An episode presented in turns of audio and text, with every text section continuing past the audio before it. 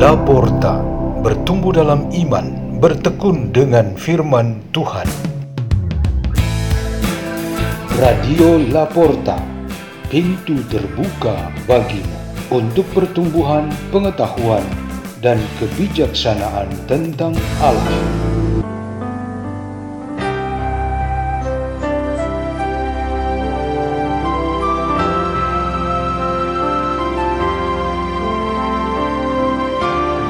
Bacaan dan Renungan Sabda Tuhan Hari Selasa, Pekan kelima Masa Biasa 6 Februari 2024 Peringatan Santo Paulus Miki dan kawan-kawan Imam dan Martir.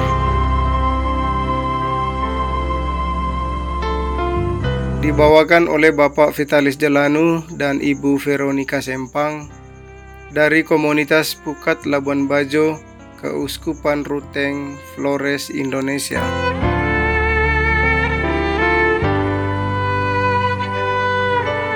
Inilah Injil suci menurut Markus. Pada suatu hari, serombongan orang Farisi dan beberapa ahli Taurat dari Yerusalem datang menemui Yesus. Mereka melihat beberapa murid Yesus makan dengan tangan najis, yaitu dengan tangan yang tidak dibasuh. Sebab orang-orang Farisi, seperti orang-orang Yahudi lainnya, tidak makan tanpa membasuh tangan lebih dulu, karena mereka berpegang pada adat istiadat nenek moyang. Dan kalau pulang dari pasar, mereka juga tidak makan kalau tidak lebih dahulu membersihkan dirinya. Banyak warisan lain lagi yang mereka pegang, umpamanya hal mencuci cawan, kendi, dan perkakas tembaga. Karena itu, orang-orang Farisi dan ahli-ahli Taurat itu bertanya kepada Yesus, "Mengapa murid-muridmu tidak mematuhi adat istiadat nenek moyang kita? Mengapa mereka makan dengan tangan najis?" Jawab Yesus kepada mereka, benarlah nubuat Yesaya tentang kamu.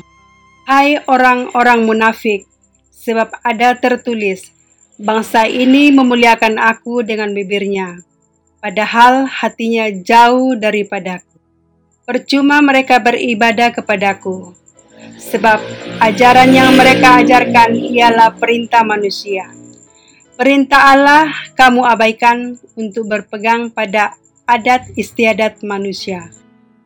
Yesus berkata kepada mereka, "Sungguh pandai kamu mengesampingkan perintah Allah supaya kamu dapat memelihara adat istiadatmu sendiri. Karena Musa telah berkata, Hormatilah ayahmu dan ibumu, dan siapa yang mengutuki ayahnya atau ibunya harus mati. Tetapi kamu berkata, kalau seorang berkata kepada bapa atau ibunya, apa yang ada padaku yang dapat digunakan untuk pemeliharaanmu sudah digunakan untuk kurban, yaitu persembahan kepada Allah. Maka kamu membiarkan dia untuk tidak lagi berbuat sesuatu pun bagi bapak atau ibunya.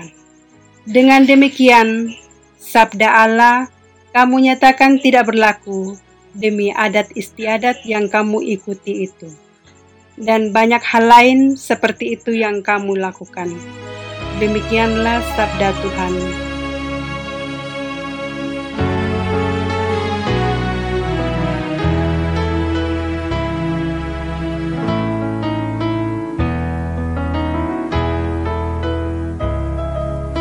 Tema renungan kita pada hari ini ialah lain tindakan, lain di bibir. Seorang remaja perempuan sudah berpacaran tiga tahun dengan pemuda yang sedang kuliah hukum. Akhir-akhir ini gadis itu menjadi kecewa dengan sikap pemuda cakap dan pintar tersebut. Pemuda itu bicara sangat memikat dan membuat banyak janji, tetapi perwujudannya nol. Ia hanya akan menjadi sangat terpukul jika cintanya hanya di bibir dan akhirnya tidak bisa berwujud nyata. Ia selalu mengingatkan pacarnya, cinta bukan sekedar lain di tindakan, lain di bibir. Kritik remaja perempuan ini hanya suatu porsi kecil dari kritik besar Yesus kepada orang-orang Farisi dan para ahli Taurat di dalam kitab suci. Mereka turun dari Yerusalem ke tempat Yesus berada sekitar ratusan kilometer dengan maksud membuktikan kalau Yesus dan pengikutnya melanggar aturan adat dan agama Yahudi. Aturan yang mereka tekankan ialah interpretasi manusia atas perintah Allah dan Musa.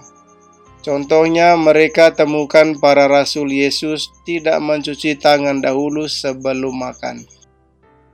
Kemunafikan adalah kata yang pas bagi kaum Farisi dan para ahli Taurat. Yesus langsung menyebutkan pelanggaran mereka yang terberat ialah mengkhianati firman Tuhan yang sebenarnya. Misalnya perintah dari Musa untuk menghormati dan mengasihi orang tua, terlebih-lebih yang menderita dan sakit di dalam keluarga sendiri. Biaya yang sebenarnya untuk mengobati anggota keluarganya ini dialihkan untuk berbagai jenis pajak di rumah ibadat alias persembahan umat diharuskan untuk penuhi ini dan ternyata uangnya untuk kerakusan mereka. Jenis korupsi ini sudah menjadi mental hidup mereka, bahkan mendarah daging sampai saat ini. Motivasi mereka ialah uang.